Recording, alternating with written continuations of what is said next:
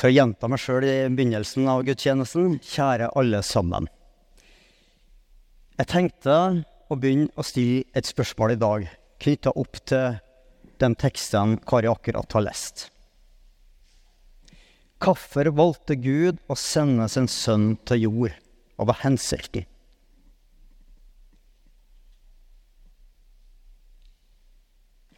Kan det være at Jesus synes og viser oss at skifte av livsstil kan gjøre oss godt?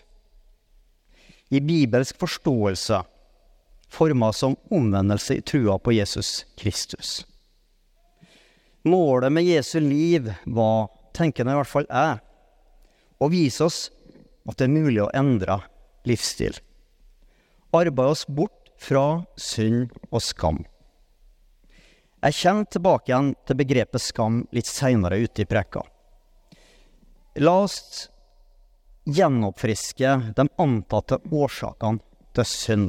Et begrep som det er vanskelig å ta opp på en prekestol i dag, men jeg velger å gjøre det likevel. Det er henta fra Genesis, altså første Mosebok. Synda kom til oss ved syndefallet, altså en kollektiv form for skam. Vi husker at Adam og Eva spiste eplet fra treet om kunnskap og godt og vondt. Vår første pakt med Gud blei i den forståelsen kanskje mysteriske forståelsen ødelagt. Freden i Edens hage forsvant. Vi fikk begrepet arvesynd, første gang kommentert av kirkefader Augustin på 400-tallet etter Kristus. I studietida mi så bar undervisninga preg av Bibelens skapelsesberetning, eller to stykker, som vi veit, og arvelæra ikke kan dokumenteres vitenskapelig. Det kan kun brukes sett ut ifra et pedagogisk perspektiv. Men jeg har fått på en måte et behov for å uttrykke det her i dag, for det, hvis vi tenker klima, miljøvern, rasediskriminering i forskjellige retninger, så syns jeg ikke det går i riktig retning. Så jeg føler behov for å repetere. Og hvis vi ser det ut ifra et teologisk perspektiv, altså arvesynda, så tenker jeg at det er ikke motsetninger mellom vitenskapen og teologien. Eksempelvis i de her dagene så går filmen 'Oppenheimer' på Moa kino. Den viser oss hvor forskere, skapt i Guds bilde, sett fra en kristens ståsted, er intelligent nok til å forstå hvordan en spalteatom. Det kan fremstille uran, som igjen lager energi til kraftverk og gi husholdninga lys i lampene. Det er jo positivt, tenker da jeg. Men også, som vi veit, atomvåpen som kan ødelegge jorda vår. Og jeg er lei meg for at jeg tar opp sånn i en, i en dåp, men eh, sånn ble det nå en gang, da. Veldig alvorlig tema. Skal se om vi får det litt hyggeligere etter hvert. Den jødiske forskeren da, Oppenheimer, sier da også med egne ord i filmen Now I am become death, the destroyer of worlds. Nå har jeg blitt døden, ødeleggeren av verdener. Litt fredeligere er det i Salme 32. Der er det en takke- og visdomssalme vi blir kjent med. Kjerneordet 'salig' kan beskrive en tilstand som indre harmonier. I kristen tradisjon så er vår synd i den forståelsen sletta ut. Vi er gjenforent med Gud. Så har vi andre lesninger som handler om det å oppmuntre kristne til å tåle å stå i en form for tru som kulturen vår tidvis latterliggjør. Men jeg tenker at vi skal være stolt av Jesus-historiene det bekrefter også foreldrene som ønsker å ha Leonel døpt i dag.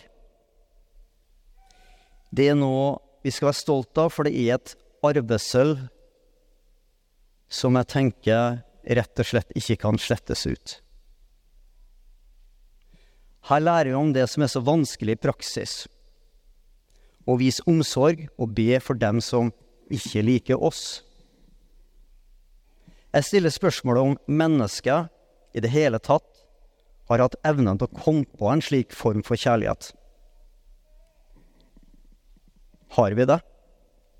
Så over til evangelisten Lukas, som forteller oss om tolleren Levis, som vi hørte. Han var en klar outsider, hvor hans arbeidsgiver i praksis var den romerske keiseren med sin tollinnkreving. Altså fienden av folket. Hans tro på Jesus ender med total omvendelse. Han var sliten av å være utafor fellesskapet. Så tilbake til begrepet skam, som jeg var inne på innledningsvis. Altså, for å trekke inn uh, vitenskapen litt igjen her Innafor den kliniske psykologien kobles skambegrepet til hvilke konkrete handlinger en begår, og at det kan hjelpe oss positivt til å ikke gjøre ting som skader fellesskapet. Mye teori nå, men det er litt sånn for å få grunntankene på det. I Jesu eksempel registrerer vi at han ser forbi det som er flertallets oppfatning. Jesus møter tolleren Levi med et blikk prega av betingelsesløs kjærlighet.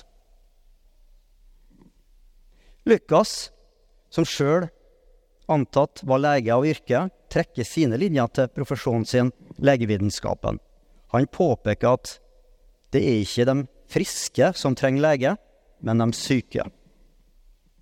Diagnosen stilles, vi utfordres som fellesskap å forebygge urimelige former for skam. Vi sjøl trenger også lege. Vi trenger at Jesus med sitt kjærlige vesen betrakter oss med et nådefullt blikk. En aksepterende holdning som tar oss bort fra følelsen av utenforskap. La meg i den forbindelse trekke inn en liten historie fra Gudbrandsdalen, fra tida mi i stiftspraksis, som et eksempel på det jeg vil kalle kulturell skam. Over en kopp kaffe fikk jeg høre at det var en gårdbruker i bygda som hadde samarbeid med okkupasjonsmakta under den andre verdenskrig. Formålet var å berge slektsgården. Men 70 år etterpå så veit mange i den bygda fremdeles hva gårdbrukeren gjorde for noe. Skammen ble overført til neste generasjon.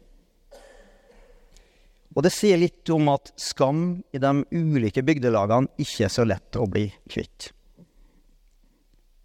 Hva skal han da gjøre for å avhjelpe uroen for skam i mitt og ditt liv? Jeg får bare snakke for meg sjøl, men min erfaring med Salmenes bok er kanskje ikke bortkasta. Davidssalmene i Det gamle testamentet, vi var også inne på Salme 32, står for meg som tidløs. Alltid aktuell, uansett hva som hender, uansett tid vi er i. Det skapes på merkelig vis en evne til å se tilværelsen med to ulike linser. Den guddommelige visdommen fra Gud og den mer folkelige vurderingsevna.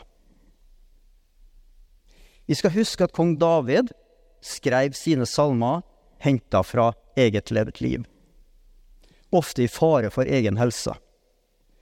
Og det tenker jeg er medisin fra virkeligheten som har god virkning. Ære være Faderen og Sønnen og Den hellige ande, som var og som er og som verta skal, fra evig og til evig. Amen.